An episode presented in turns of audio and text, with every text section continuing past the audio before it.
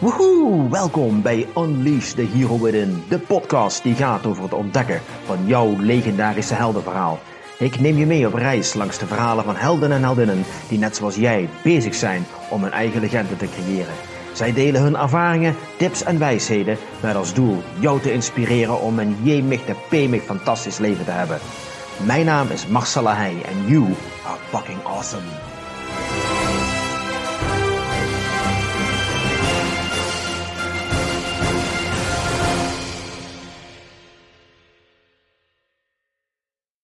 Hallo en welkom bij een nieuwe aflevering van Unleash the Hero Within. En vandaag gaan we het hebben over het meest belangrijke onderwerp in jouw leven. En ik wil niet jouw bankrekening saldo, een heel ander verhaal, heb ik andere podcasts over gedaan. Maar we gaan het hebben over jouw gezondheid. Gezondheid en voeding. En diëten valt er uiteraard onder. Hè. Ik lees wel eens dat er steeds meer mensen last hebben van uh, overgewicht. Dus ook daar gaan we het over hebben. Maar ik zit vandaag in het uh, pittoreske Helmond en ik praat vandaag met uh, Shirley Brouwers. En Shirley is een orthomoleculair voedingsdeskundige. alhoewel zij liever het woord diëtiste gebruikt. Dus en ja, deskundige, diëtiste, ja, geef het beestje een naam. ik vind het andere woord veel belangrijker, want orthomoleculair, ik heb het drie keer moeten uitspreken voordat ik het goed zei. Wat, uh, ja, wat doet een orthomoleculair diëtiste, Shirley? Orthomoleculair is wel een, uh, is een heel interessant woord. Je kunt het, je kunt het opdelen uit. je kunt het opdelen in, in, twee verschillende delen. Dus het eerste deel is orthos. Ortho. Mm -hmm. Orthos is, is in het Grieks, volgens mij is het Grieks hoor, is het juist te doen. En daarnaast heb je moleculen, moleculaire. Dus wat je gaat doen als orthomoleculair is het juist te doen voor de moleculen, dus oftewel voor de cellen van je lichaam. Mm -hmm. Oh, dat gaat wel heel diep. Dus ja. uh, kijk, we weten allemaal dat uh, ik kan beter broccoli eten dan een portie bitterballen. Absoluut. Maar dat wil niet zeggen dat we niet af en toe een portie bitterballen kunnen eten. Ja, en kijk, en dat is dus wel het mooie, want waarom kun je beter broccoli eten in plaats van bitterballen? Omdat de stoffen die in broccoli zitten wel bijdragen om het juiste te doen voor mm. je cellen. Maar die portie bitterballen, ja, die draagt daar gewoon niet aan bij. Nee, maar goed, ik denk dat het een beetje een utopie is als we alleen maar dat zouden gaan eten en drinken, wat alleen maar een bijdrage levert aan een betere moleculen. Um, maar laten we eens even beginnen bij het begin, want ja, hoe besluit iemand om orthomoleculair voedingsdeskundige slash diëtiste te worden? Wat heeft jou toen besluiten om, om dit werk te gaan doen? Oh, dat is wel een mooie vraag. Um, ik zat op school, nou, op het middelbaar beroepsonderwijs. En ik, uh, het uh, commerciële economie. en we mochten een werkstuk maken over iets actueels op dat moment. En dan praat je over uh, bijna twintig jaar geleden, denk ik. En um, toen was het heel erg in het nieuws uh, overgewicht. Uh, toen was ook net zo'n campagne gestart uh, voor overgewicht. En ik vond het heel fascinerend. Want ja, het was niet dat ik dat niet kende, maar ik had wel zoiets van waarom, waarom, waarom gebeurt dit in de wereld? Waarom gebeurt dit met mensen? En dan in relatie met overgewicht kwam natuurlijk ook heel veel ziekte om de hoek kijken. Um, en ik had eigenlijk zoiets van, nou, dan, dan moeten we toch iets mee kunnen. Waarom of hoe, wat, ik heb geen idee. Maar toen dacht ik, weet je wat, dan ga ik mijn werkstuk maken over overgewicht. En het was een actueel onderwerp. En toen is dat balletje eigenlijk gaan rollen. Toen uh, wilde ik na uh, het middelbaar beroepsonderwijs wilde ik graag naar het hoger beroepsonderwijs. En dat was voor mij heel duidelijk, ik ging iets met voeding doen. En dus uh, dan kom je uiteindelijk op de opleiding voeding en diëtetiek terecht. En um, ja, die ben ik, heb ik de opleiding voeding en diëtetiek afgerond. Dus zodoende het is eigenlijk, eigenlijk een hele korte. Uh, ja, meer kan er ook niet van maken. Nee, dat is uh, heel bijzonder eigenlijk. Ja, nou, en uiteindelijk is het ook, is, gaat het balletje rollen. Hè? Want uiteindelijk dan kom je achter het een en dan, dan denk je, oh wacht, maar er is nog meer. En dan kom je daarna achter dat er nog meer is en nog meer. En nog iedere dag denk ik, oh wauw, er is nog meer. Um, dus ja, zo, zo gaat dat balletje rollen en het wordt steeds interessanter. Mm. Nou, ik wil eigenlijk, ik wil het heel bijzonder om te zien dat je op de middelbare school al wist wat je wilde gaan doen later. Mm -hmm. Ik wil, dat is wel vrij uniek, vind ik, moet ik zeggen. Ja, en je hebt daar helemaal je draai in gevonden, je hebt je eigen uh, praktijk erin. En je zegt net zelf, ik leer elke dag. Hè? Je verdiep je er helemaal in. Um, heb jij je uh, uh, ge, ge, gespecialiseerd op een bepaald gebied? Um, ja, in principe wel. Ik begeleid met name vrouwen uh, met hormonale klachten en met name in en rondom de overgang. Oké. Dat is eigenlijk, en het is niet zozeer dat het helemaal 100% mijn specialisatie is, maar dat is wel waar ik me het meest zeg maar, op focus. Oké, Ehm. Daarnaast is het, ja, het het zijn het ook andere mensen hoor, weet je, dat natuurlijk. eh over het algemeen eh, gaat het ook prima. Maar het is niet een, een heftige specialisatie in dat ik bijvoorbeeld alleen maar van Nee, nee. eh, met de overgang of zo. Nee, nee, kijk, kijk. Wat zijn nou een beetje de meest voorkomende mythes, zeg maar, omtrent afvallen en omtrent diëten? Blijven eten. Ik vind echt, ik heb daar ook, ook, ik word er altijd een beetje kriegelig van. Ehm, met name de overheid, hè, het voedingscentrum zegt altijd je moet eh, zes keer op een dag eten. Je moet blijven eten, want je moet die motor aan de gang houden. Mhm. Ehm, ik zeg altijd, je laat die auto ook niet lopen als je boodschappen gaat doen, bewijs van. Je moet je lichaam eens af en toe rust geven. Die zes eetmomenten op een dag, of soms nog wel vaker, want hoe vaak stoppen we even heel snel even een smintje of wat dan ook in onze mond. Ehm, dat is echt iets wat, je, wat echt een, wat echt een no-go is, zeg maar. Iets wat je echt niet moet doen. Oké, ja, want dat is, ik ga, ik bedoel zelfs, ik heb dat wel eens gehoord hè, met sporten, van je moet inderdaad die motor eh, aan het lopen houden, je moet constant toevoer van eiwitten hebben, en ja, vetten en koolhydraten en shit. Maar tegelijkertijd heb ik ook intermittent fasting, eh, doe ik tegenwoordig aan. Precies. En dan doe ik juist, ja, niet die, die Ja. korte maaltijden of die Ja. kleine maaltijden. Eh, hoe sta jij tegenover intermittent fasting? En misschien kun je even uitleggen wat het, wat het precies inhoudt. Intermittent fasting, ja. Eh, vasten, letterlijk. Het is, het is intermittent, dus het is zeg maar in tijdsperiodes ga je vasten. Ehm, ja, om die reden ben ik dus een groot voorstander. Ik, intermittent fasting is een beetje, je kunt dat op heel veel manieren zien. Er zijn mensen die eh, twee dagen bijna niet eten en vijf dagen zeg maar soort van, nou alles eten wat los en vast zit, maar in ieder geval dan soort van wel heel veel eten. Er zijn mensen die de 8-16 regel doen, dus in acht uur tijd ehm, Ja. eten Mhm. en 16 uur niet eten. Dat is eigenlijk wel de meest gehoorde. Ehm, wat ik in de praktijk meestal uitvoer is ehm, drie maaltijden op een dag. Met tussenposes tussen het ontbijt en de lunch, zeg maar van minimaal vijf uur. En dan tussen lunch en de avondmaaltijd minimaal vijf uur. En dan heb je nog, reken even snel uit. 14 uur over. Ja, zeg je, je moet ook nog eten. Dus zeg dat je een 12 uur in totaal eh, nog over hebt. Ehm, er zijn al mensen die dat intermittent fasting noemen. Ehm, waar mijn persoonlijke voorkeur naar uitgaat, is ehm, om een dag of twee, drie in de week eh, twee maaltijden op een dag te eten. Ja, oké. Dus gewoon, ik, vind het zelf het prettigste om alleen mijn eh, lunch en mijn avondmaaltijd dan te Ja. eten. Dus dan sla ik gewoon mijn ontbijt over. Mm. En ehm, ja, dat is mijn, dat is wat voor mijn lichaam het best werkt. Ik merk in de praktijk ook dat, dat eh, mijn cliënten dat super prettig vinden om dat op die manier te doen. Mhm. Er zijn mensen die het helemaal niet prettig vinden. Weet je, ook even goede vrienden. En waarom zou je het wel of waarom zou je het niet willen doen? Ehm, ehm, kijk, ik zeg altijd, we gaan s'nachts slapen om eh, tot rust te komen. Om letterlijk ons ru- lichaam rust te geven. Mhm. Wat we natuurlijk ook doen tijdens onze slaap is, is de grote schoonmaken. Want we gaan, we gaan rusten, met name onze hersenpan krijgt rust. Ehm, en ons spijsverteringssysteem, ons lichaam, onze motor, die gaat voornamelijk kei- keihard werken die nacht. Het is ook heel vaak 's ochtends als we opstaan, het eerste wat we vaak moeten is naar het toilet. Want hup, al die afvalstoffen die moeten eruit. Nou, op het moment dat je die periode nog met een aantal uur kunt verlengen en bijvoorbeeld 's ochtends opstaan in plaats van meteen te gaan eten, eerst eens een glas water drinken en misschien nog een glas.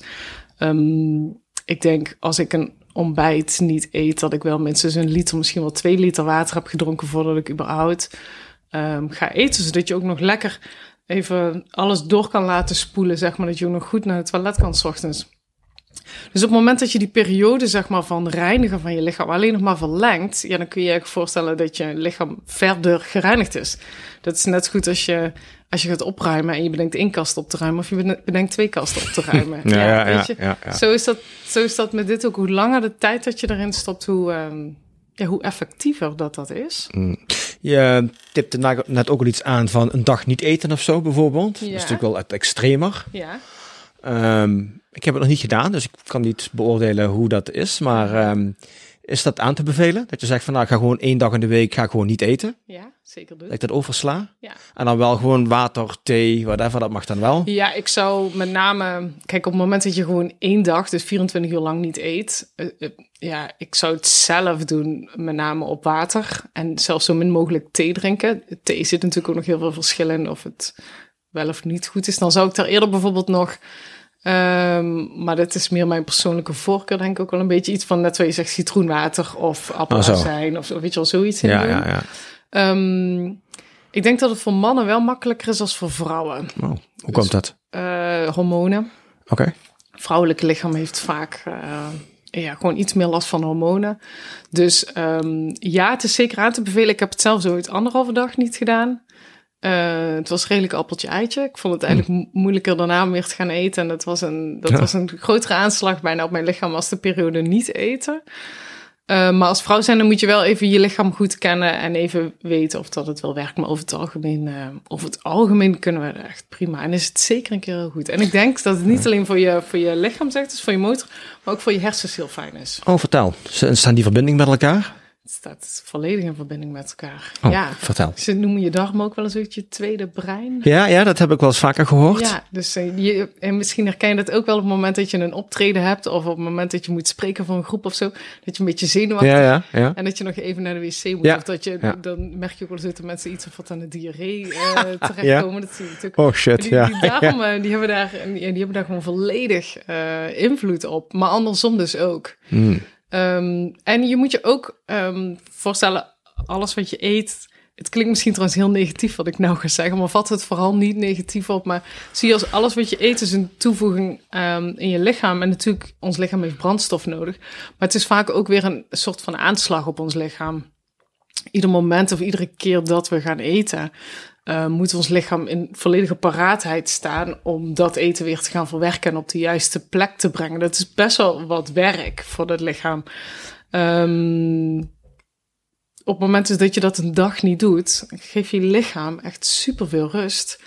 Ehm, daarnaast, als je iets minder gezond eet, dus noem het dan ongezond, dan kan het ook nog wel zijn dat het lichaam het niet op een top kan verwerken en het dus ergens gaat opslaan in je lichaam. Dat kan ook in je hersens, of in ieder geval er kunnen ook afvalstoffen in je hersens eh, eh, opgeslagen worden.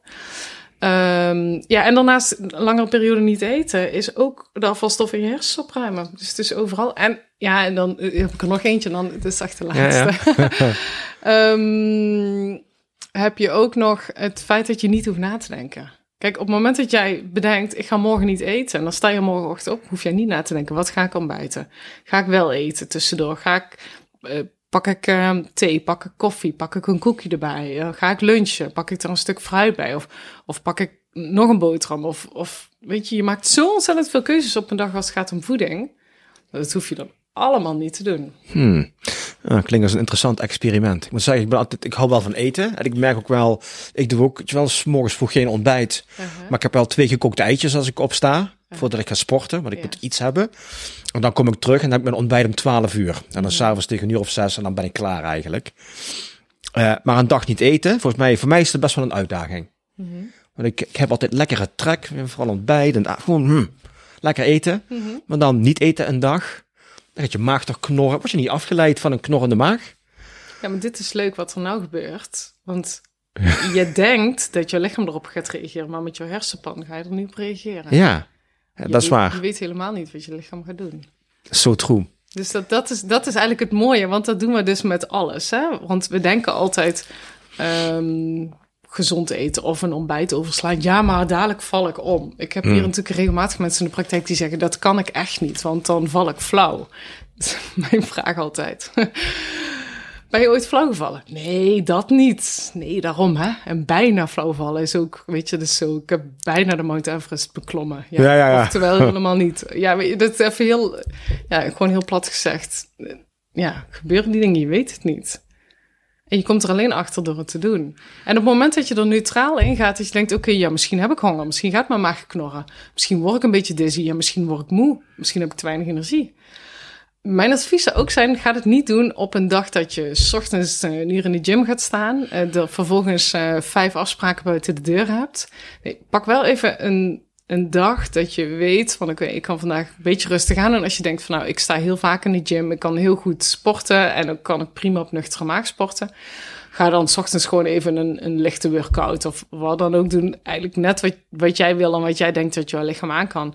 En zorg dat je gedurende de dag even een aantal momenten rust kan nemen. Want het is logisch dat op het moment dat jij eh, geen nieuwe brandstof hebt, ehm, ja, dat je gewoon af en toe even wat extra rust moet nemen. En daarnaast natuurlijk, besef ook dat je lichaam verder aan het ontgiften gaat. Hè? En ontgiften kost natuurlijk ook enorm veel eh, energie. Nou, klinkt wel als een eh, interessant experiment. Ja, dus vooral dat, dat hoofd, Ja, alles wat uitschakelen. het, eh, Ja. of niet zozeer uitschakelen, maar het mag er zijn, laat het er zijn, maar doe er niks mee. Ja. En ja, je, je maag gaat knorren. Maar ja, hè? Kennen wij nog honger in deze? Nee, eigenlijk niet. Nee. Nee, we zijn gewoon verwend inderdaad. Maar ik, oké, ik beloof je, Ja. ik ga dat een keer doen. Ik Oh, ga een keer een dag niet eten. Ik ben wel, ik ben wel nieuwsgierig wat dat met me doet. ja, ik hoor het graag van je. Hoe Ik dat wil een beetje een dat voelt. experiment, eh, een beetje experimenteren met mijn lichaam. Ja, wie houdt er dan niet van? Ehm, eh, wat ik ook wel interessant vind, zijn supplementen, voedingssupplementen. Ehm, ja, sommige mensen zeggen ja, want we hebben allemaal tekorten in ons eten. Hè? De groenten en de fruit die nou wordt geteeld op het land. Alleen voedingsstoffen die zitten niet meer zo in, in de grond eigenlijk. Hè? Dus de paprika en de komkommers die we eten, ja, er zit niet meer zoveel in. Dus we hebben voedingssupplementen nodig. Ehm, hoe kijk jij aan tegen voedingssupplementen? Heb ik ze, hebben we zij als mensen wel of niet nodig? Ehm, en zo ja, welke zijn dan essentieel? Zijn er een aantal voedingssupplementen die je altijd moet gebruiken of mag gebruiken? Ik weet het niet. Nee, snap ik. Ehm, ehm, eh, is het, ik, ik denk dat het essentieel is. En, en waarom? Ehm, kijk, op het moment dat je, dat je nou ja, 80, 90 tegen 100% aan gezond eet... op een eh, redelijk onbewoond eiland woont zonder telefoon, televisie of stress eh, van een werkgever of wat dan ook om je heen. Nou, dan is je lichaam redelijk zen en dan kun je prima je voedingsstoffen uit je groente en je fruit halen. En dan, dan is het allemaal prima. Maar we weten allemaal dat we niet in die wereld leven. We hebben dagelijks, althans de meeste van ons, ik denk wel 95% trouwens, eh, hebben redelijk wat stress. En dan, ehm, dan kan het op het werkgebied zijn, maar het kan ook thuis zijn, een thuissituatie zijn. Het kan familie zijn, het kan alleen al je telefoon die de halve dag rinkelt. Want iedere keer dat die weer plinkt is ook een stresssituatie voor ons. Ehm, tot aan eh, de keuzes voor voeding die we maken. En als de keuzes wat ongezonder zijn, dan is dat ook stress voor ons lichaam. En in hoe hogere mate ons lichaam in stress is, hoe meer voedingsstoffen wij nodig hebben. Plus het verhaal wat jij nou net zegt. ehm, dat onze voeding al zoveel minder voedingsstoffen bevat. Dat komt gewoon omdat onze grond aan het uitputten is. Ehm, waardoor dat de grond gewoon onze voeding minder voedingsstoffen kan geven. Ehm, maakt dat, wij, dat het heel moeilijk is om echt 100% al je voedingsstoffen te eten. Eh, dus in die zin zeg ik ja, supplementen is echt ehm, ja, is iets essentieels. Ik ben, ik ben altijd van mening, als iemand dat niet wil, ik ben de laatste die gaat zeggen dat je iets moet doen. Hè? Mhm. Eh, maar ga jij mij vragen voor een optimale situatie, zou ik dat zeker doen, ja. ja. Oké. Dus stress heeft sowieso een invloed op, op ons lichaam, wat logisch is. Maar dus ook een invloed op ons vitamine- en mineralentekort. Hè, dus eigenlijk, als je minder stress ervaart, heb je minder, minder behoefte aan eh, voedingssupplementen. Minder behoefte aan voedingsstoffen. Minder ah ja, minder behoefte. Ja. Oké, dus eigenlijk Ja. hoe meer stress ons lichaam ervaart, hoe meer dat hij die voedingsstoffen nodig heeft om beter te kunnen functioneren. Ja, je moet het ook zo zien. Op het moment dat jij veel stress ervaart, moet jouw lichaam harder werken. Mhm. Kijk, op het moment dat jouw lichaam harder moet werken, heb je meer voeding nodig. Ja, oké, op zich is dat logisch. Ja. Wij zien ja. voeding altijd op, op echt iets eten. En, en vaak, ja, als orthomoleculair therapeut praat je vaak vanuit voedingsstoffen. Want dan Hmm. is, weet je, je hebt gewoon die, of die bouwstoffen, eh, die voedingsstoffen om jouw cellen dus te voeden, zodat ze optimaal kunnen functioneren en jou van energie kunnen voorzien. Ja. Die heb je dan gewoon meer nodig. Mhm. Oké, en welke voedingssupplementen zijn echt es- essentieel? Is dat bijvoorbeeld een vitamine C supplement of D? Ik, ik, Ja, nou, nou D is, een, eh, is ook momenteel gelukkig en veel besproken en redelijk essentieel voor iedereen. Maar dat, ook dat heeft natuurlijk weer een verhaal. Want ehm, vitamine D halen we uit de zon. Ehm, oh, als we nu naar buiten kijken, dan is het eh hoogzomer en het is drama buiten, als ik het even ongenuanceerd mag uitdrukken. Ehm, Ehm, dus net zoals deze zomer halen we vrij weinig vitamine D uit de zon. Daarnaast werken we natuurlijk gemiddeld 40 uur in de week, plus de rest uh, werken we binnen. We zitten veel binnen. De keren dat we naar buiten gaan, doen we zonnebrand op en een zonnebril opzetten, waardoor dat, uh, onze huid die uh, vitamine D al veel minder goed kan opnemen. Um, dus daarin zie je eigenlijk dat van, van jong tot oud bijna iedereen een tekort heeft. Ik zie hier in de praktijk echt, nou, 90% van de mensen echt wel tekort Wauw, ja? Ja, en dan zit er natuurlijk ook een uitzondering tussen. Daar hebben we natuurlijk met allemaal. En daarnaast heb je ook gewoon mensen die redelijk goed voor zichzelf zorgen. Waarvan je ook ziet dat dat um, terugkomt in de waarde. Mm -hmm. Dus dan praat je over vitamine D. Is er nog een uh, specifieke D? Want er zijn er meerdere geloof ik, hè?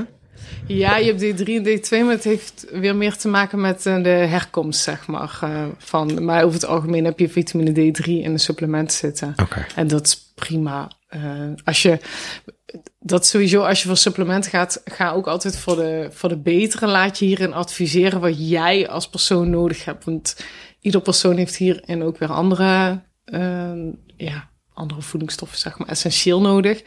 Um, ik doe vaak uh, bloedonderzoek um, of DNA-onderzoek om te kijken wat jij als persoon um, meer nodig hebt. Oké. Okay.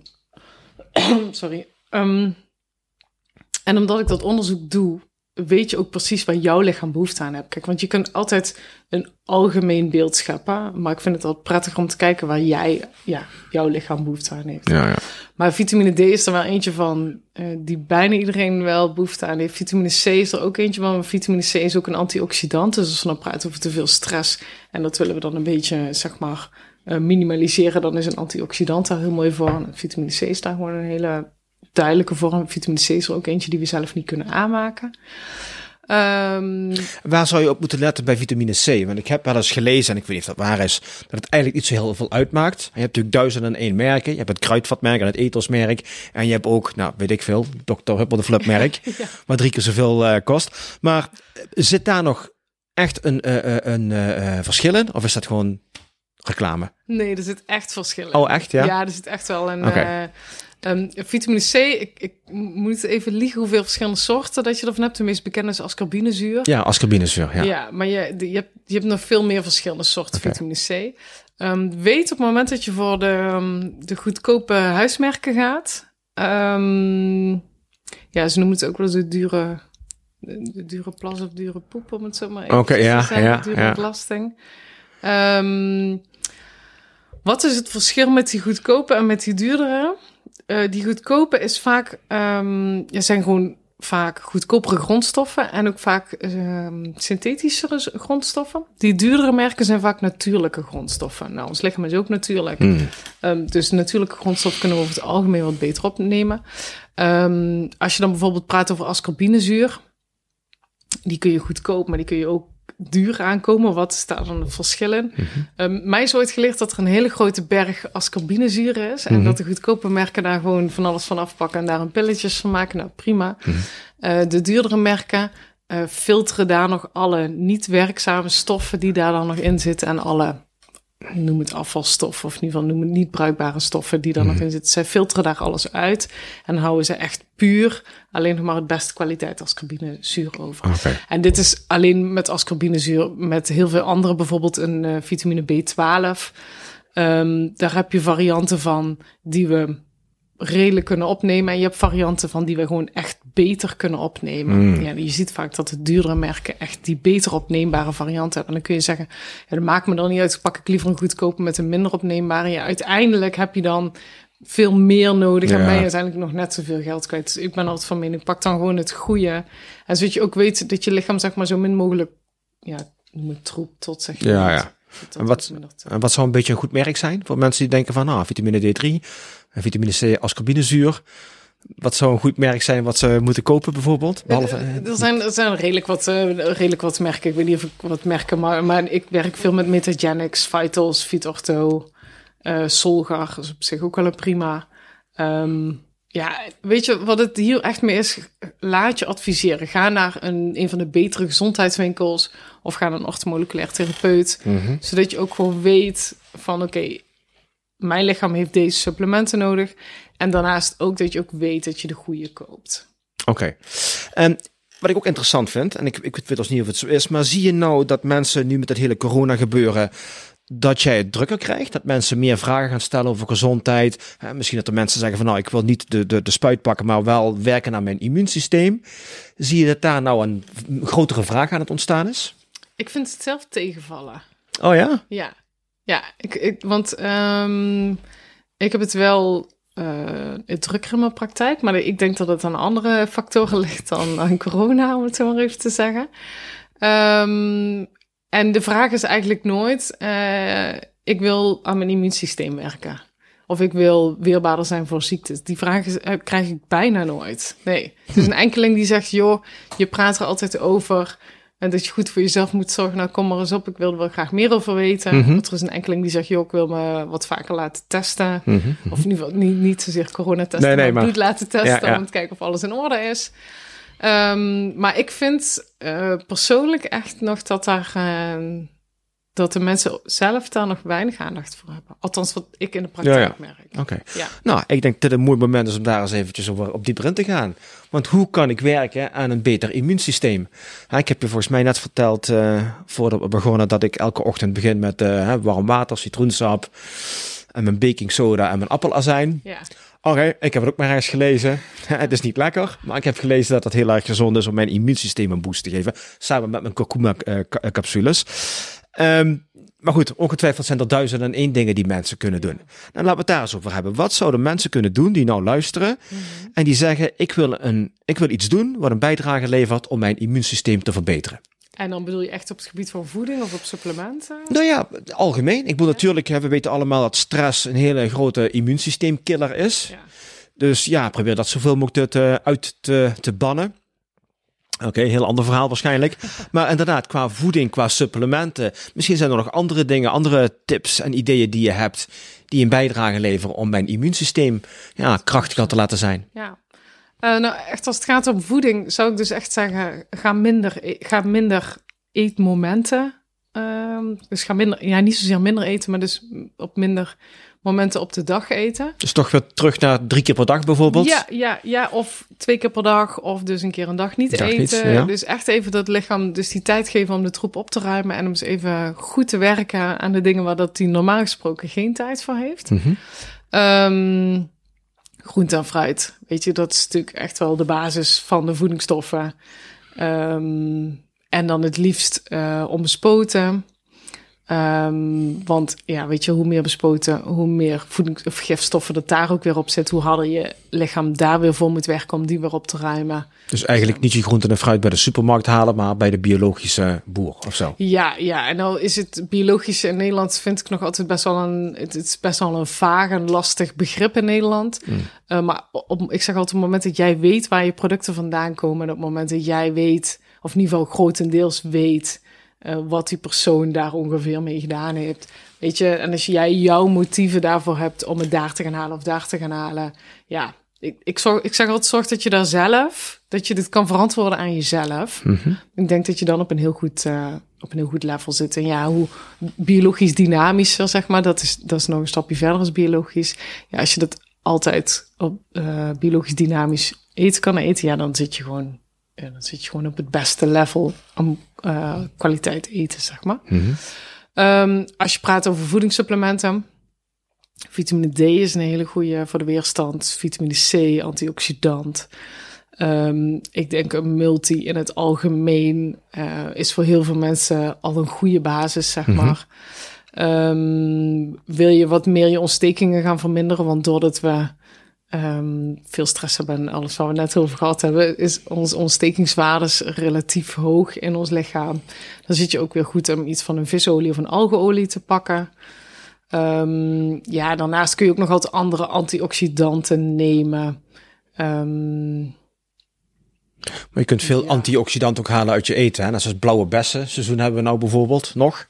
Ja. He, eet veel blauwe bessen. Ik was laten vertellen dat er heel veel uh, antioxidanten in ja. zitten eet zoveel mogelijk uh, gekleurd, uh, verschillende kleuren eten. Op oh, het moment dat, en op het moment dat je eten zeg maar ook wel heel krachtig gekleurd is, dan zitten er vaak ook meer antioxidanten in. Ja. Oké. Okay. Ja. En sowieso zitten er vaak meer voedingsstoffen in op het moment dat je, überhaupt als je een, een, een groot scala aan verschillende kleuren eet, zitten er al, allemaal verschillende voedingsstoffen in. Mhm.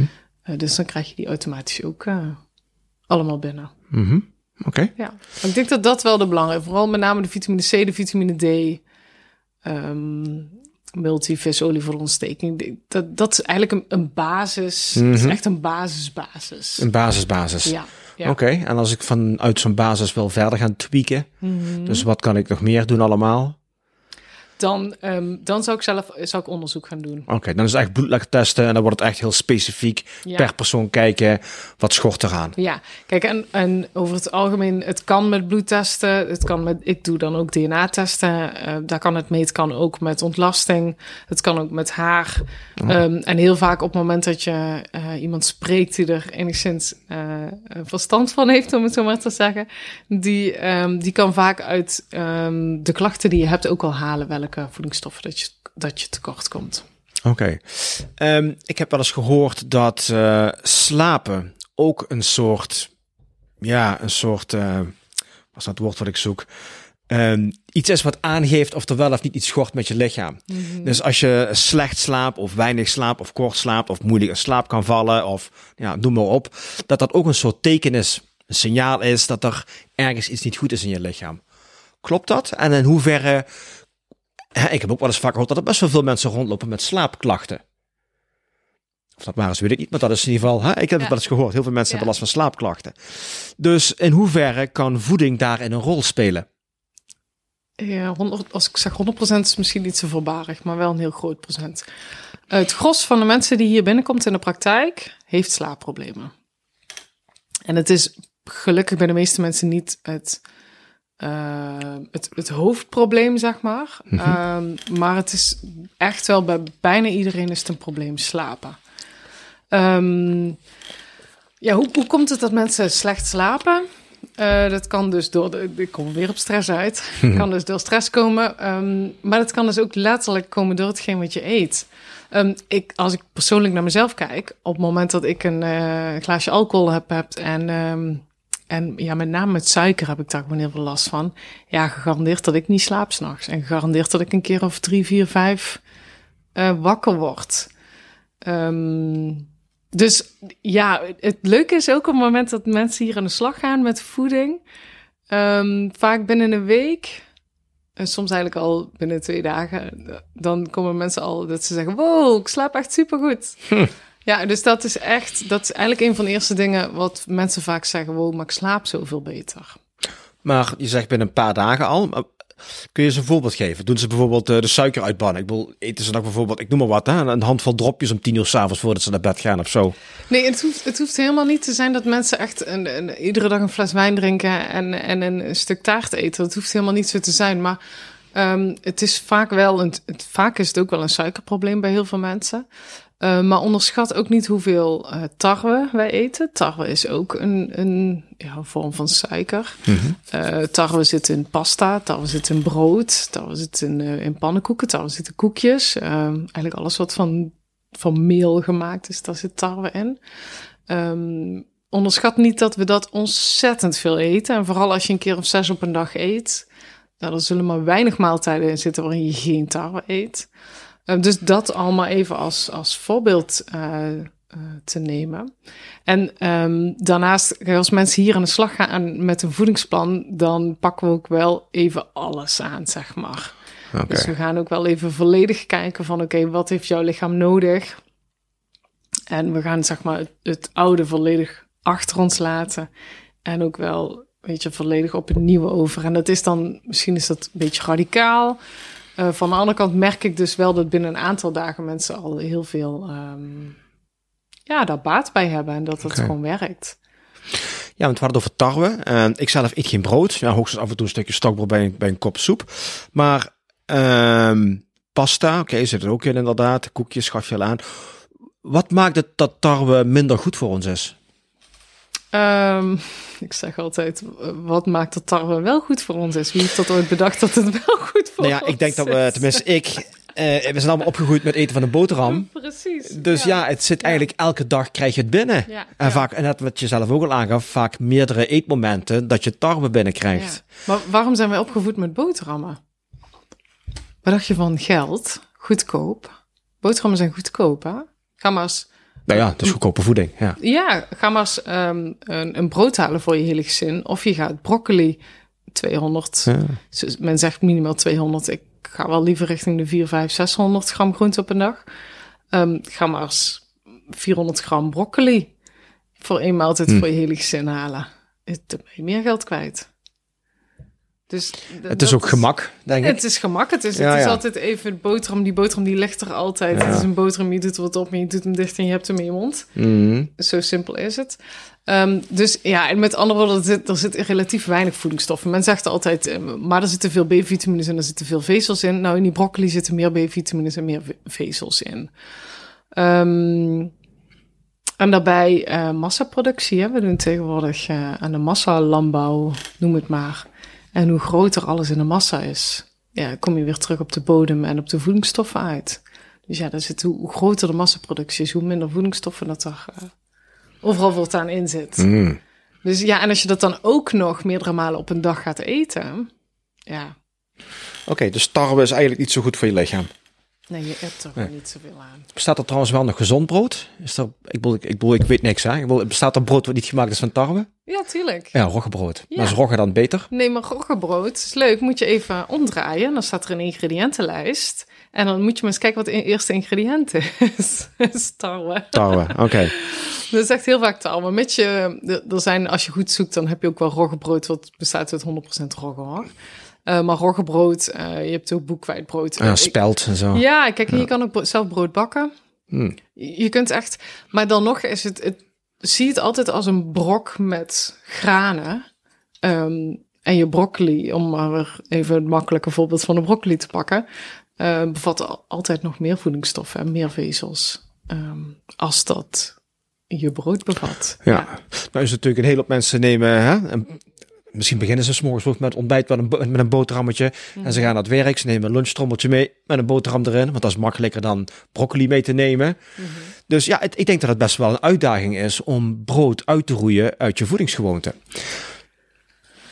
Eh, eh, weet ik niet. Het ligt eraan hoe groot dat jij die berg ziet. En daarnaast is het natuurlijk wel zo. ehm, ja, kijk, ik, help mensen daar ook wel mee. Hè? Ehm, ja, een, brood, een broodtrommeltje. We noemen het ook altijd zo: een trommeltje met brood erin. Ehm, dat, is, dat is gewoon relatief makkelijk. Maar je kan net goed een trommeltje maken met, met wat salade erin of wat sla erin. En doe er wat komkommer, augurk bij. Doe maar net wat je lekker vindt. Alleen je moet even. Weet je, we- we zijn, net wat jij ook zegt, we zijn opgevoed met die boterhammen. We zijn zo gewend om die boterhammen te eten. En opeens moeten we gaan nadenken dat daar iets anders in moet in dat trommeltje. Ja, en dan sla kunnen we ook nog wel bedenken. Maar ja, wie heeft er nou zin in een bak met sla? Ja. Dus dan moeten we daar weer iets lekkers van gaan maken. En dan komen weer al die stemmetjes in ons hoofd, waar we het net over hadden. Van een dag niet eten, ja maar dit en ja maar dat. En het, dus het is altijd vaak mensen eventjes een aantal drempels over helpen. Zo van, joh, maar je kan ook dit doen, je kan ook dat maken, je kan ook dit meenemen. Kijk eens daarnaar. Er zijn ontzettend veel mogelijkheden. Ik doe zelf bijvoorbeeld, als ik echt denk, joh, ik heb geen zin om iets te maken, maak ik een smoothie voor mezelf. Hm, ja. En dan, ehm, ja, dan knikker ik er gewoon van alles in.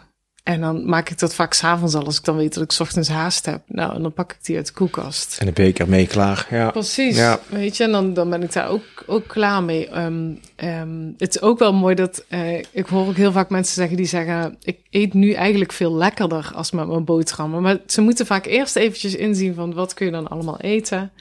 Ehm, je kunt bijvoorbeeld prima, we hadden het net over roggen, en als we dan graag brood of iets dan ook, wat pak je roggebrood, maar je kunt ook roggecrackers pakken.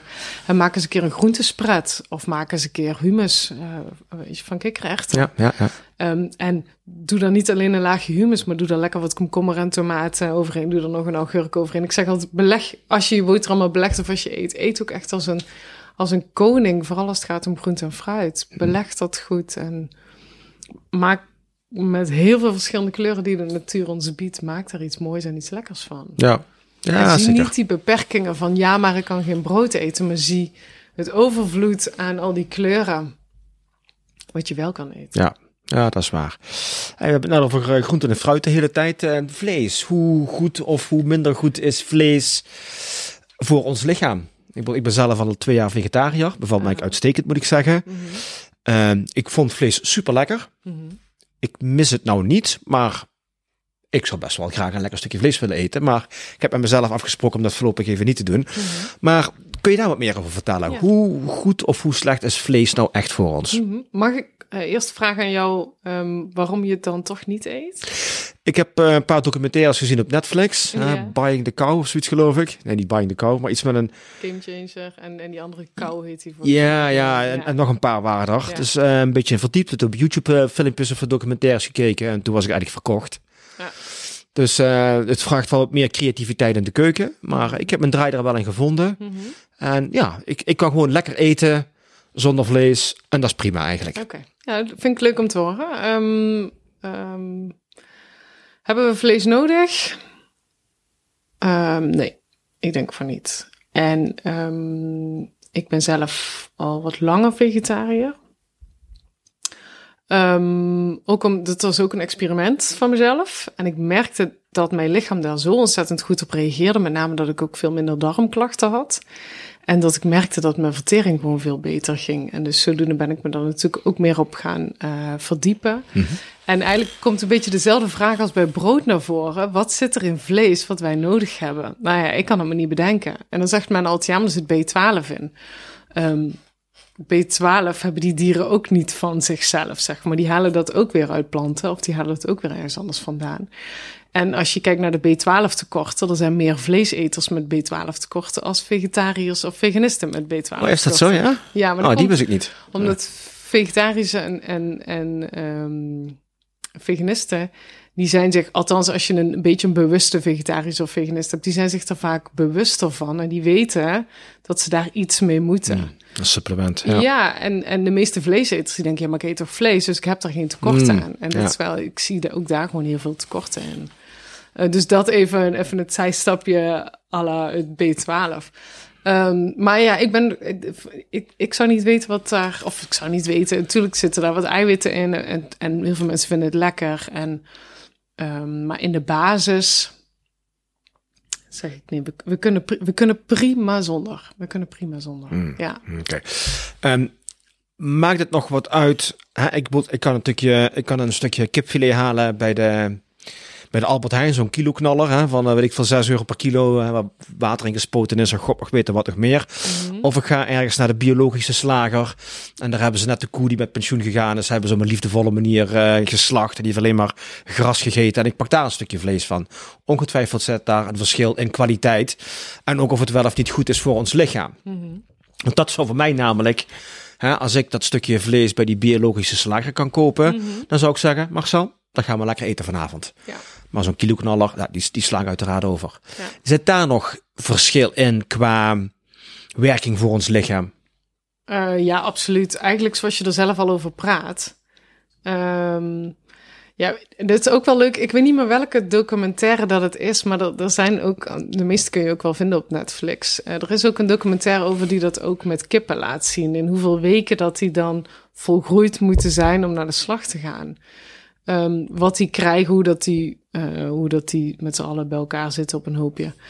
Um, daar kun je iets van vinden als het gaat om dieren, maar als het gaat om voedingsstoffen, ja, daar zit gewoon niks in. Dat heeft, daar heeft niks, dat heeft niks met ons mens zijn te maken. Dat heeft puur met produceren, produceren, produceren te maken. Dat doet voor ons aan lichaam en voedingsstoffen gewoon helemaal niks meer, zeg maar. Dus ja, op het moment dat, uh, dat jouw koe of jouw kip of wat dan ook gewoon uh, buiten een rustig, relatief rustig leven heeft gehad, met een heel stuk minder stress. Mm -hmm. um, gras heeft gegeten, meer planten heeft gegeten, lekker van die zon heeft kunnen genieten. En ja, nogmaals, over het algemeen een, een relaxter leven heeft gehad.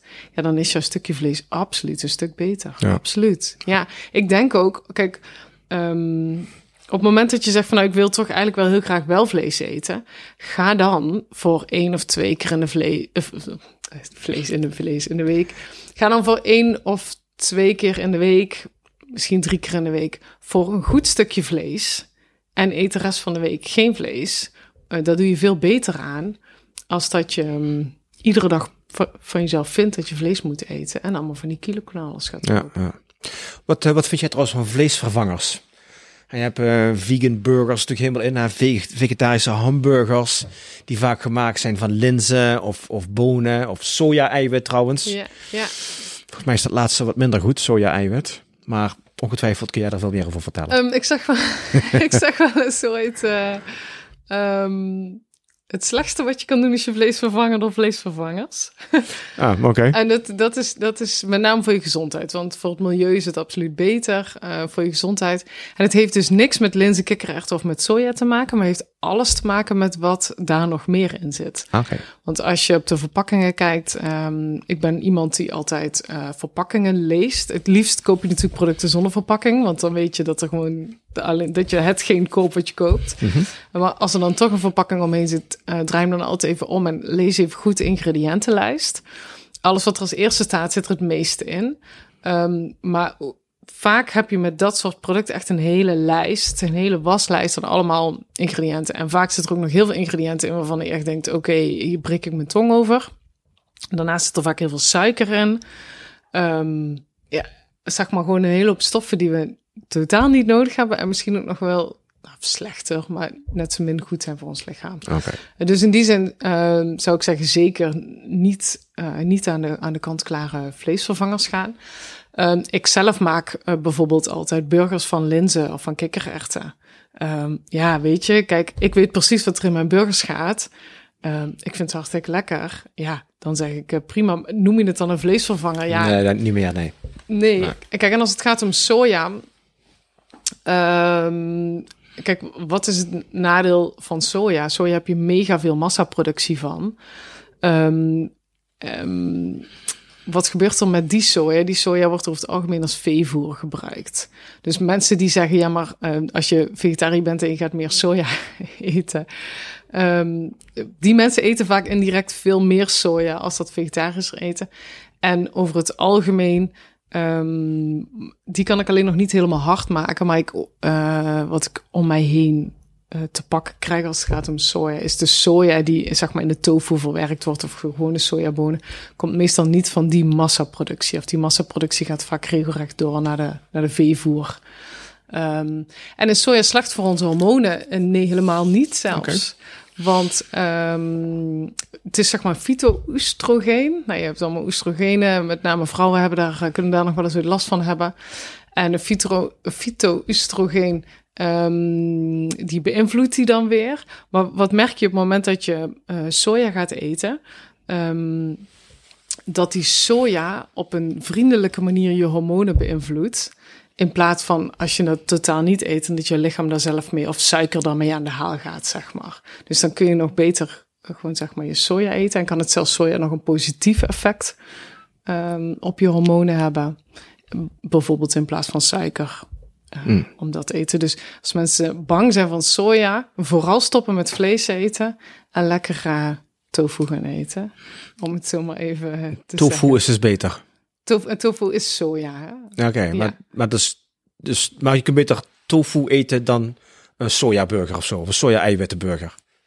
Ja, ja, maar dat heeft, dat heeft dus eh, niks met de soja op zichzelf te maken. Dat heeft puur met die, hoe die burger gemaakt is te Oké, de, de, de bewerking van de soja. Ja, Ah, oké. en de bewerking eigenlijk vaak om van die soja een burger te maken. Oké. En daar kom je achter, dus als je het koopt in de, in de supermarkt of als je in de supermarkt bent, moet je je verpakking maar eens even een keer omdraaien en maar eens even kijken wat er allemaal in zit. Daar zit veel meer in, dat is alleen soja. Maar wat wij doen, wij, le- wij lezen vaak de voorkant soja burger. Denken we, nou prima, dat is een burger van soja. Mhm. Klaar. Maar dan weten niet hoe dat die soja aan elkaar plakt en Ja, burger wordt en dat jij hem in de pan kan. Want daar Ja, zitten oké. natuurlijk meer de bewerkingen aan. Oké, zeker. Zullen zeker. Wat is trouwens, nu we het hebben over lezen van verpakkingen, want ik vind het wel interessant. Ehm, ehm, ik doe het soms wel eens. Mhm. En natuurlijk staan er een hele hoop ingrediënten op waarvan ik denk van, ik heb geen flauw idee wat het is. Mhm. Maar wat zijn nou echt red flags? Dus als ik zo'n verpakking ga lezen en hè, ingrediënt X, Y of Z erin, eh, zit erin, echt wegblijven. Glucose, fructose, stroop, siroop, eh, E621. E621. E621? Ja, ik zeg altijd, ik ben geen tegenstander van E-nummers. Mhm. Ehm, de meeste heb je niet zo heel veel aan en zijn eerder nog slecht voor ons als goed voor ons. Maar E621 en alles wat al zeg maar in dat rijtje van volgens mij tot de 630. ehm, dat zijn wel echt, eh, dat zijn de glutamaten, dat zijn wel echt killing. Oké, Ja. dus alles met E6, of E600, die range. Ja, met name de, echt vanaf 621 tot 630. Oké, oh, je Ja. hebt ook nog alles daarboven. En Ja, dat- ik, ik weet niet of je echt alles hebt. Nee, maar er is nog- Precies weet ik het dan ook niet. eh, maar in ieder geval die, daar wil je echt van wegblijven. Oké, En die, als ze schrijven hem wel eens uit voluit, dan kom je vaak op glutamaat of iets in die trant. eh. ja, of siroop of stroop, wat je net zei. Siroop, stroop, aroma's. Onderschat aroma's niet. Is vaak ook eh, suikers. Maar in het glucose, fructose. En vooral als glucose, fructose aan elkaar, maar dan nog stroop of siroop achter staat, dan wil je hem helemaal Laten staan. laten staan. Oké, oké, oké. Nou, goed om te weten inderdaad. Maar ik moet wel zeggen, ik, moet, eh, ik, ik maak me wel af en toe schuldig aan, eh, aan vleesvervangende burgers. Maar goed, daar kan ik nou ook niet meer eh, onderuit. Want de vorige keer als ik een keer wil kopen, dan denk ik nou aan jou. En denk ik, ah, goddammit. Dan moet ik wat anders gaan bedenken. Dus, Dus- een stemmetje in je hoofd. Ja, maar dat is goed. Dat is goed. Heb je een zaadje geplant. Ik, ik ben ook altijd op zoek naar, ja, hoe kan ik het nog beter doen? Ja. Hoe kan ik het beter doen en gezonder en hè, noem maar op. En ik ben ook van mening dat het een proces is. Weet je, we, we kunnen, ehm, we kunnen prima iets veranderen, maar het, het, het heeft tijd nodig. Het- ik, ik zeg, het, sommige mensen zeggen ook wel eens, ja, maar hoe, hoe kan ik nou het beste uit de supermarkt halen? Nou, weet je, als je vandaag tomatensaus nodig hebt, ga je vandaag voor het tomatensausschap staan en dan ga je het gros van die verpakkingen ga je omdraaien en ga je kijken. Nou ja, volgende week heb je eh, pasta nodig en dan, dan ga je dat vak staan te bekijken. Of je doet thuis, weet je, op, op in de website van de meeste supermarktketens, daar staat dat ook precies allemaal in. Ja, ja, niemand heeft Ja, goed. Jij hebt er zin om dat te gaan doen. Omdat je het interessant vindt. Omdat je beroep is. Maar hoeveel mensen ken jij die echt uitgebreid alle etiketten gaan lezen. En zeggen, oeh, E621, die moeten we terugzetten. Laten we wat anders op zoek gaan. Nee, nee, ik neem mensen natuurlijk wel altijd enorm mee en waar ze beter wel en beter niet op kunnen letten. Ehm, eigenlijk is het op het moment dat je een verpakking omdraait en je ziet de ingrediëntenlijst en het heeft meer dan vijf ingrediënten, kun je al heel vaak heel veel vraagtekens op zetten. Oké. Dus dat is eigenlijk al, al regel één. Nou, als er maar vijf op staan, dan heb je best wel even een, een halve minuut tijd om die even te lezen. Oké. Ehm, nou, en zijn het er meer, ja, dan, dan kun je al de boel al in twijfel trekken. Laat maar staan eigenlijk. Nou, in Bijna. 99,9% van de gevallen laat maar staan, ja. Oké.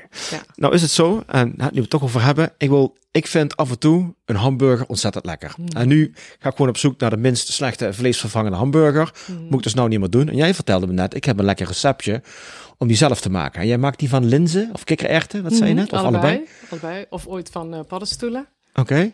Maar doe je die gewoon aan linzen en kikkererwten koken, zeg maar. Hè? Dan staat er zo'n drapje. Dan maak je dus een, een burgervorm van. Nee?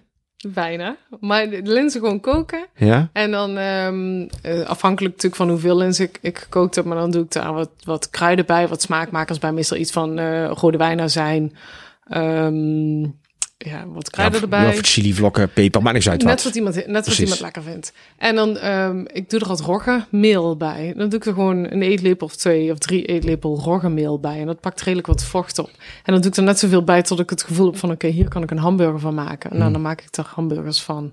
Dan kneed ik gewoon met mijn handen de Gewoon hamburgers that's it van. eigenlijk. That's it. En dan kun je ze bakken in een pan. En je kan ook de luie manier doen. En Ik heb dan een hele grote bakplaat. En dan leg ik die allemaal op de bakplaat. Dan gaan ze een half uurtje de oven in. Ja. Oeh, nice. En het is echt, dat is echt super makkelijk. Het, het, recept staat op mijn, eh, op mijn website. Hmm. Vegetarische hamburgers.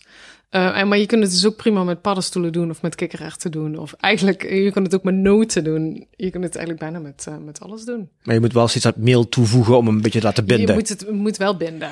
Ja. Roggemeel. Ja, en ik doe dat met roggemeel, omdat dat het meel is, zeg maar, wat ervoor zorgt dat je bloedsuikerspiegel het minst snel stijgt. Ehm, dus ik, ik heb daarvoor het roggen in huis. En soms pak ik boekwijdmeel, maar meestal eigenlijk roggen. Ja, het is een, dat is dan uiteindelijk wat dan een soort van standaard wordt waar je dat dan mee doet. Oké. Ja. Nou ja, ik eh, vrees dat ik de volgende hamburger die ik moet gaan maken, moet op deze manier eh, plaatsvinden. Weet ook, hè, kijk, ehm, en ik noem het ook altijd een beetje een 80-20 pro- een 80-20 regel. Hè. We kunnen nooit 100% eh, ideaal eten, 100% gezond zijn, 100% alles perfect doen. Weet je, dat lukt ons vaak gewoon niet. Dus op het moment dat jij echt even denkt van, joh, ik heb echt even behoefte aan zo'n kant-klare burger. Eh, die echt op vlees lijkt. ja, weet je, Ja, prima. Dan, ga, dan ga je toch een keer, ehm, dan, koop je toch een keer zo'n burger en dan, dan eet je die een keer. Is dat de ideale situatie? Nee. Maar is dat voor een keer, is dat slecht? Nee. Maar dat, dat, ik zeg dat altijd, dat weegt een beetje af. ehm, Ja. voor jezelf, wat voor jou belangrijk is. Ehm, ja, wat, wat, wat jij graag. Wat jij, ik zou bijvoorbeeld ook, ik maak liever mijn eigen hamburgers als dat ik dat koop. En ik vind die smaak van een echt hamburger helemaal niet lekker. Dus ik zou ook niet voor die kant-klare hamburgers gaan. Ehm, maar er zijn mensen die die smaak juist wel heel lekker vinden. Ja, En die daar juist af en toe wel echt zware behoefte aan hebben. ja. Alhoewel het vaak ook wel is, als je echt de behoefte hebt aan een echt stuk vlees en je bent vegetariër, dan moet je dus vaak even nadenken. Want vaak is dat een teken dat je wel daadwerkelijk eiwit tekort komt. Oké. Dus vaak is dat een onderliggende. Het is vaak ook uh, als je zin hebt in chocola, is vaak een teken dat je magnesium tekort hebt. Hmm. Dus vaak ook als je behoefte hebt aan heel veel hartig, is vaak ook een eiwittekort. Dus bedenk altijd van, oké, okay, waar heb ik nou echt behoefte aan en waarom heb ik daar behoefte aan en wat zit daaronder? Okay. van tien zit er iets onder. Oké. Okay. Uh, nu we het ook over eiwitten hebben, vind ik persoonlijk wel een interessante. Wat kan ik meer eten om eiwit uit te halen? Ik bedoel, vlees is dat een no-go area voor mij. Mm -hmm. Ik weet het, linzen kan ik eten en kikkererwten kan ik eten. Uh, maar wat zou ik kunnen doen om snel mijn eiwittentekorten aan te vullen? Heb je eiwittekorten? Dat weet ik niet. Nee. Maar eigenlijk sport, dus ik moet zorgen dat ik genoeg eiwitten binnenkrijg. Dus ik heb wel wat uh, vegetarische eiwitshakes. Um, maar ik maak hem ook schuldig aan die vleesvervanger, want er zitten veel eiwitten, veel eiwitten in. Mm -hmm. uh, maar wat zou ik kunnen doen om dat aan te vullen? Ja, dus hoe kan ik op een gezonde manier eiwitten binnenkrijgen? Ja, het begint heel vaak bij het feit, komen we daadwerkelijk wel eiwittekort? Kijk, want ook al sport je iedere dag een uur, um, het is eigenlijk vrij normaal, want over het algemeen hebben we daarnaast een redelijk zittend beroep. Mm -hmm. We zijn niet de hele dag fysiek bezig, dus ja, over het algemeen valt dat best wel mee. Mensen zeggen ook wel eens, ik wil spieren opbouwen, daar heb ik eiwitten voor nodig. Mhm. Mm -hmm. En nou, voor spieren opbouwen heb je over het algemeen sport en training nodig. Um, en natuurlijk is eiwit om op te bouwen is natuurlijk wel handig. Uh, maar het gros van de eiwitten um, kunnen we eigenlijk gewoon halen uit met name bladgroenten. Spinazie bijvoorbeeld. Ja, spinazie. Dus ik moet altijd een pop uit. Ja, ik ook, ja. ja. spinazie denk ik. Maar um, groene bladgroenten en gewoon groenten. Echt groene groenten, groene bladgroenten, kiemen uh, en fruit. En zorg vooral dat je die, die, die variatie daarin uh, in hebt. En wat wel een hele interessante is... Um, een beetje reclame maken voor uh, iemand... Uh, topsporter, uh, veganist, uh, Janneke van der Meulen. Zij heeft een eat-win-win methode ontwikkeld. Ik ben momenteel haar boek De Eiwitleugen aan het lezen. Mm. en daar gaat dit over. Mm. En het is ook wel, we, eten, we denken vaak dat we ontzettend veel eiwitten nodig hebben. maar vaak vergeten we dat we, wat eigenlijk nog veel belangrijker, belangrijker is, dus onze voedingsstoffen tekort komen. Dus vaak komen we heel veel mineralen en heel veel vitamines tekort en blijven we ons maar focussen op die eiwitten. Dus we gewoon voor zorgen dat we die uh, vitamines en die mineralen en de rest van die voedingsstoffen voldoende binnenkrijgen. Die eiwitten, die, die worden dan vanzelf, of niet uit die mineralen en die vitamines, maar uit de rest van die voedingsstoffen worden die eiwitten gemaakt. Mm. Okay. En de rest kun je prima nog binnen wat, uh, met wat noten, pilvruchten, kiemen. Kun je prima daar uh, af en toe wat, wat soja, wat eiwitten, of zeg het eens, ja, ja. wat soja, wat tofu. Uh, op die manier kun je het prima binnenkrijgen. Ja. Het draait vaak echt om variatie en groente en fruit. Um, veel, eet veel uit het seizoen. En blijf niet alleen hangen met je appel en een peer of de appel en de mandarijn, wat ja, we ja, ja, heel vaak doen. Mm -hmm. uh, maar kijk ook eens naar een mango of, of naar passievruchten of, of uh, ja, nou noem ik ook maar iets. Hè? Maar of naar de verschillende soorten bessen. Er is zoveel meer uh, als onze boerenkoolstamp, om het zo even te zeggen. Ja, ja je had net over noten inderdaad. Ik moet zeggen dat uh, noten, pitten, zaden, ja. is altijd mijn ontbijt, zeg maar. Oh, ja. Heel veel die dingen, heel veel verschillende noten. Ja. Ik heb pas gehoord dat er ook heel veel eiwitten in zitten. Precies, precies. Ja, weet je, en dat onderschatten wij vaak. En we zijn altijd heel erg met getallen bezig. We moeten zoveel calorieën binnenkrijgen, we moeten zoveel eiwitten binnenkrijgen. Nou, ik laat dat dus volledig los. Um, omdat dat vaak veel genuanceerder zit. Oké. Okay. Dus, en ik vind het ook... Ik, en mensen gaan heel krampachtig. Ik moet nog zoveel dit, ik moet nog zoveel dat. Calorieën tellen vind ik ook zoiets moois. Uh, ja, calorieën. je kunt calorieën binnenkrijgen uit een stuk taart en je kunt calorieën binnenkrijgen uit een broccoli. Ehm, kijk, en, en je kunt net zoveel broccoli eten als dat er calorieën in een stuk taart zit. Ehm, maar neem maar van mij en dat jouw lichaam liever die calorieën uit die broccoli heeft dan uit Ja, stuk ja. taart heeft. Ja, ja. En dan kun je zelfs nog minder calorieën uit je broccoli eten en veel verzadigder zijn en dat je lichaam daar veel meer mee kan. En dat je lichaam daar beter van wordt. En die calorieën uit het stuk taart, dat je lichaam daar ook nog slechter van wordt. Ik pak nu ook wel twee uitersten, Ja, weet ja, je, daar ben ik me ook wel heel bewust van. Hè? Ehm, maar dat, dat ligt veel genuanceerder als dat getalletje wat wij, wat we aan het tellen zijn. Ja, nou, dat geloof ik wel, ja. Ehm, tot slot.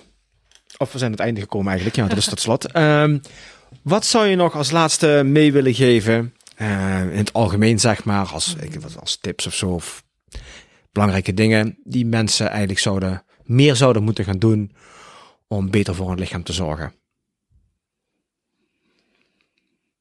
Stop met blijven eten. Dus ga hooguit drie keer eten op een dag. En dan bedoel ik niet ontbijt, lunch en avondmaaltijd. eh, en tussendoor pak een kop koffie met een koekje. Nee, echt de momenten dat je iets in je mond stopt. Dat is een moment. Dat is zo'n eetmoment.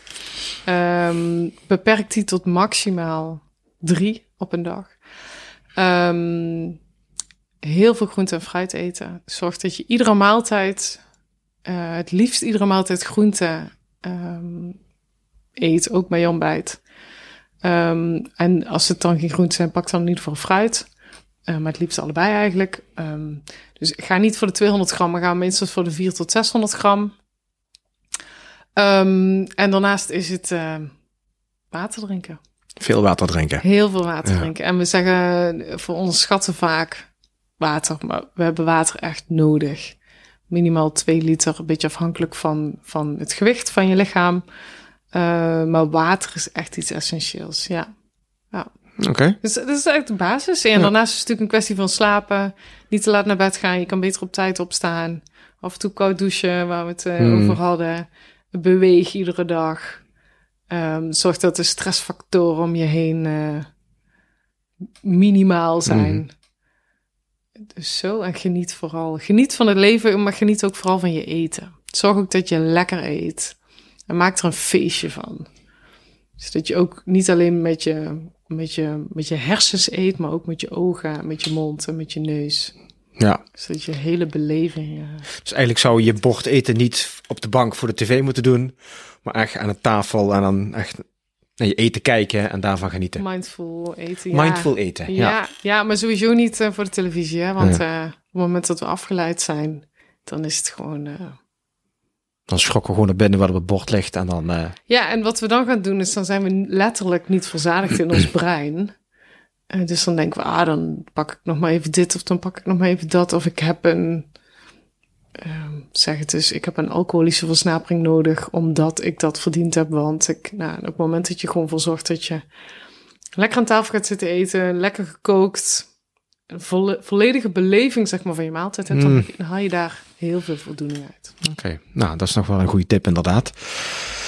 Nou, Shirley, eh, hartstikke bedankt. Eh, als mensen meer willen weten, kunnen ze naar jouw website gaan. shirleybrouwers.nl, geloof ik. Ja, klopt. klopt dat? Ja, Ja, shirleybrouwers.nl. Daar staat ook het recept op voor de vegeta- vegetarische hamburger. Dus die ga, ik, die ga ik zeker proberen. Leuk. Dus ik laat je nog weten hoe dat bevallen is. Ja. Eh, ja, nogmaals hartstikke bedankt voor jouw tijd en voor het delen van al jouw, eh, jouw kennis en kunde en wijsheid. Ehm, beste kijker, eh, luisteraar of kijker, want we filmen natuurlijk ook. Ehm, ik was het even vergeten. Ik hoop dat je ook weer wat, eh, wat geleerd hebt. En dat je zelfs bruikbare tips hebt gekregen om jouw voeding eh, ja, nog beter aan te passen. Anyways, bedankt voor het luisteren. En tot de volgende keer. Bye bye. Bedankt. Bye bye. Bye bye. Doei.